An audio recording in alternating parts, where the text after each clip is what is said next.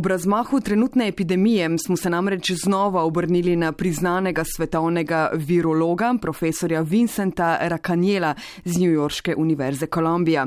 Z njim smo se prvič slišali, ko je bila epidemija še v narekovajih varno na kitajskem. Že tedaj je opozoril, da bi jo morali jemati resno, da pa ni razloga za paniko. To mu nekateri zdaj tudi učitajo, a sam meni drugače. So I'm glad I said that back then because it's true. We should take it. And, and you know, many world leaders did not take it seriously when we last talked. Vesel sem, da sem to rekel. In veste kaj? Veliko svetovnih voditeljev tega ni vzelo resno. Resno bi ga morali vzeti že januarja in se oborožiti z vso potrebno medicinsko in higijensko opremo in preverjati kapacitete naših bolnišnic. To, kar delamo zdaj, bi morali storiti že januarja. Že tedaj bi se morali lotiti razvoja testnih orodij, jih na to čim širše distribuirati. Okužbe so Kitajsko zagotovo zapustile že januarja, česar se še dolgo zatem nismo nismo zavedali, saj nismo izvajali nikakršnih testov. Prav zato imamo zdaj toliko primerov, ker smo začeli testirati prepozno. A še vedno trdim, brez panike. Ni razloga za paniko. Ja, še naprej se bo poročalo o smrtnih žrtvah, po večini bodo huje zbolevali ljudje, ki so starejši od 65 let. Pomembno je, da bolnišnice za nje primerno poskrbijo. Težava pa je prav v tem, ker razpoložljivih kapacitet ni dovolj.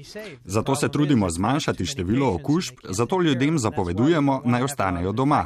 A še vedno verjamem, da je zelo pomembno, da ne razvijamo panike, da delamo točno to, kar nam strokovnjaki svetujejo in smo lahko izbruhu uspešno kos.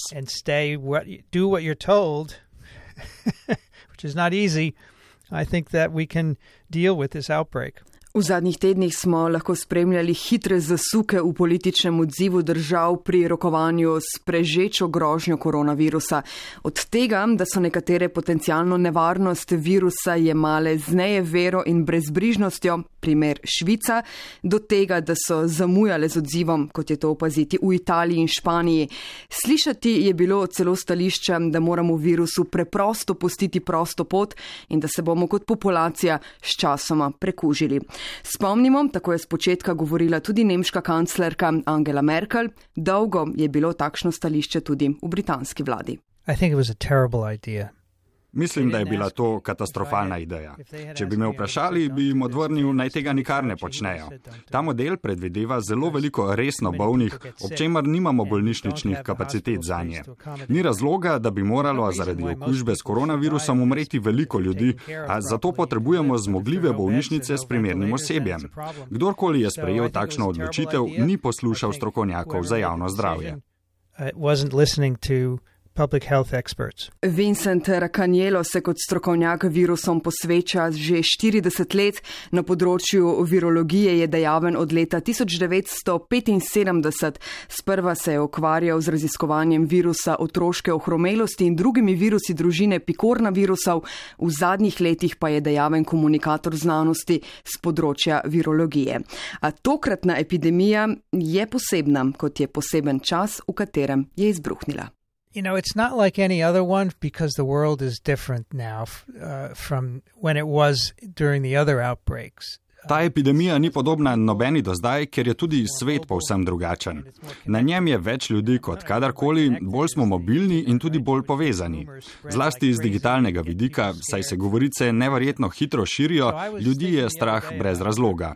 Zadnjič sem premišljal o preteklih izbruhih. Izbruh ebole v Zahodnji Afriki pred nekaj leti je bil hud, a je bil z večine omejen le na to regijo, čeprav smo ga živčno pričakovali tudi drugot po svetu.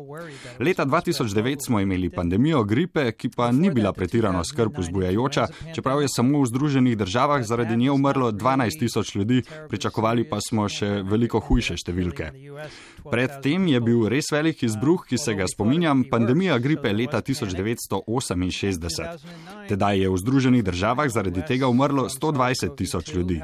To bi znalo biti primerljivo s tem, s čimer zdaj v Združenih državah grozi COVID-19. A leta 1968 je bil svet neprimerno manj povezan. Novice smo dobivali le z televizije. Skoraj ni bilo lažnih novic in s tem tudi veliko manj panike.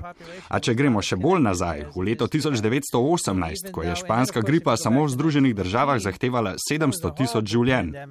Tedaj veliko ljudi ni niti vedelo za to. Novice so se širile veliko počasneje. Danes so povsem drugačni časi, predvsem zaradi načina življenja in napredka, ki smo si ga z leti ustvarili ljudje. And so all of those are different. And today, I would say this one is different from all of those because of those uh, human factors, on top of the fact that the virus is spreading quite readily. Rakanjelo napoveduje, da se bo število obolelih in žrtev še nekaj tednov povečevalo in da lahko z majem pričakujemo počasno zmanjševanje. Prav tako ni prepričan, da bodo visoke temperature odigrale svojo vlogo, se je virus povsem nov, v naši telesni orožarni ne premoremo proti telezan, zato se lahko kljub visokim temperaturam in višji zračni vlagi ohrani tudi v toplem delu leta. Zanimiva so tudi poročila iz Kitajske, da so nekateri okuženi znova zboleli. Kot pravim, je mogoče, da se, tudi če okužbo preboliš, v prihodnje spet okužiš, a z veliko blažjimi simptomi. Poglejmo ostale koronaviruse, ki povzročajo navadne prehlade. To se dogaja tudi pri okužbah z njimi. I think that these um, coronaviruses that cause common colds Ljudje smo do zdajšnje koronaviruse, ki nam vsako sezono povzročajo prehlade, z živali dobili pred nekje od 100 do 800 leti. Morda so v prvem preskoku na človeka povzročili podoben izbruh, kot to zdaj počne koronavirus COVID-19. A pred 800 leti za to ni vedel nihče, ni bilo novic. Toda s časoma, ko se populacija imunizira, tudi starejši ljudje ob tovrstni okužbi razvijajo zelo blage simptome. Zanimivi so predvsem otroci, ki se okužijo in nimajo svoje lastne zgodovine okužb. Vemo, da poteka okužba s COVID-19 pri njih v mili obliki. Ta virus bi lahko s časoma postal podoben ostalim štirim koronavirusom, s katerimi živimo in s katerimi se sicer v največji meri okužijo že otroci. Ti v otroštvu ne pokažejo pretiranih simptomov, a razvijajo določeno raven imunosti, kar jih potem na stara leta obvaruje pred drastičnimi imunskimi odzivi. Don't have any disease or a mild disease because they already have immunity. Trenutno so oči znanstvene javnosti uprte predvsem v to, da najdejo že obstoječa zdravila, ki bi lahko olajšala poteke hudih, hudih simptomov pri okužbi z novim koronavirusom, ter v to, da se čim prej razvije cepivo, kar pa se bo zavleklo v prihodnje leto. So the uh, vaccine timeline is uh, is long for a couple of reasons. First, you have to make one. Razvoj cepiva je dolgotrajen proces iz več razlogov. K sreči so zdaj na voljo številne tehnologije, ki lahko to pospešijo, a vendar bo trajalo vsaj še nekaj časa. V Združenih državah že preizkušajo eno od oblik cepiva, ki temelji na RNK zapisu virusa COVID-19. Poglejmo časovnico. Predpostavimo, da imamo danes kandidata za cepivo. Da se lahko podamo v fazo testiranj na človeku, moramo imeti nekaj predkliničnih podatkov o tem, ali bi cepivo lahko delovalo in na kakšen način bi lahko ogrozilo človeka. Ko to imamo, nas čaka varnostno preverjanje. Gre za prvo fazo kliničnih testiranj, v kateri je udeleženo približno 40 ljudi, ki prejmejo od enega do dva odmerka predvidenega cepiva, na to pa jih opazujemo vsaj mesec dni v normalnih razmerah eno leto. A prvi mesec je ključen. Če testiranci to fazo dobro prestanejo, lahko nadaljujemo v naslednjo. Pri razvoju cepiva proti COVID-19 zdaj poteka prva faza, rezultati naj bi bili na voljo do konca aprila. V naslednji fazi je v raziskavi udeleženih veliko več ljudi, ki jih razdelimo v dve skupini. Eni prejmejo cepivo, drugim je odmerjen le placebo. Na to jih spremljamo v njihovem vsakdanjem življenju in po nekaj mesecih preverimo, kako jim kaže z okužbo, kdo je okužen in kdo ne, koga je cepivo obvarovalo in koga ne. Pri tem je potrebno omeniti, da gre za dvojno slepa testiranja, pri katerih ne zdravnik, ne testiranec ne vesta, kaj je testirani prejel. Ta faza lahko traja kar nekaj mesecev, v našem primeru bi se lahko začela junija in sklenila sredi jeseni. Cepivo torej ne bo na voljo pred prihodnjim letom. So that's, that's really the timeline. Nothing really available before 2021. That's why it takes so long.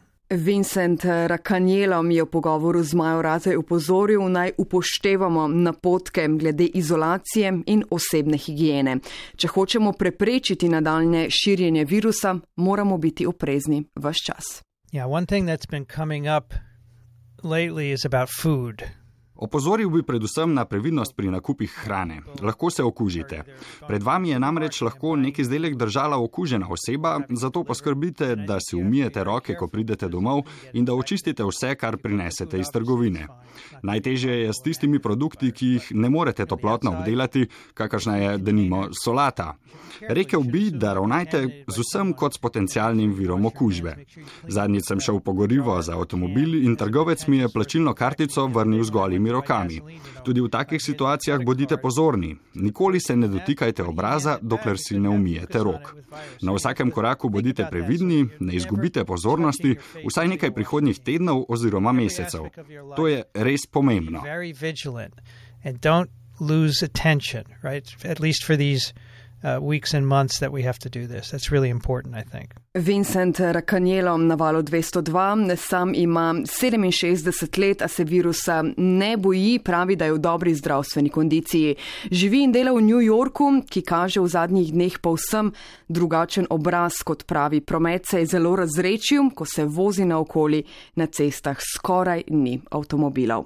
V njegovem laboratoriju so se sicer pridružili raziskavam na področju novega koronavirusa, čeprav se virus širi z izdihanim zrakom, bi se lahko prenašal tudi z našimi iztrebki. Za zdaj kot ozdravljene ljudi označijo tiste, ki imajo negativen bris v njihovem respiratornem sistemu, kako pa je z nadaljno navzočnostjo virusa v njihovih iztrebkih. Prepričati bi se morali tudi o tem. V njihovem laboratoriju sodelujejo z več bolnišnicami in hkrati preverjajo stanje respiratornih in fekalnih testov pri pacijentih. Pa bi lahko nastale razmere dale kakšen nov zalet virologiji? Well, the science of virology is not very old. It really started about 1900. Virologija kot disciplina ni posebno stara veda, razvijati se je začela okoli leta 1900. Vse od tlej vemo za viruse, zato da lahko povzročajo resne bolezni. V 60. in 70. smo se začeli resneje zavedati, da lahko ljudje dobimo nove viruse tudi z živali. Skrb vzbuja predvsem to, da se vse od takrat še vedno nismo do potankosti zavedli resnosti tega fenomena. V zadnjih sto letih smo šli skozi kar nekaj izbruhov virusnih okužb okužb, od nipe, ebole, korone. Vse to so živalski virusi, v tem je torej jasna grožnja. Na tem področju bi morali vlagati več pozornosti in ker je nismo, smo se znašli v situaciji, v kakršni smo zdaj. Upam, da bo trenutna kriza spodbodla več sredstev in večji fokus za to znanstveno disciplino. A ljudje imamo zelo slab spomin. Ko bo vsega tega konec, se bo življenje vrnilo v ustaljene tirnice. In takšne situacije se bodo v prihodnje še ponavljale. Podobno bomo izkušali znova in znova. Ne verjamem, da se bomo iz nastale situacije kaj naučili. And I just think it's going to happen again and again, and we're never going to learn. To so bili torej razmisleki profesorja Vincenta Rakanjela z New Yorkske univerze Kolumbija. Maja Ratega je posnela, eh, Jan Grilc je bral prevode. Naročite se na koronavirus podcast, najdete ga v vseh aplikacijah za podkaste in na val 202.si.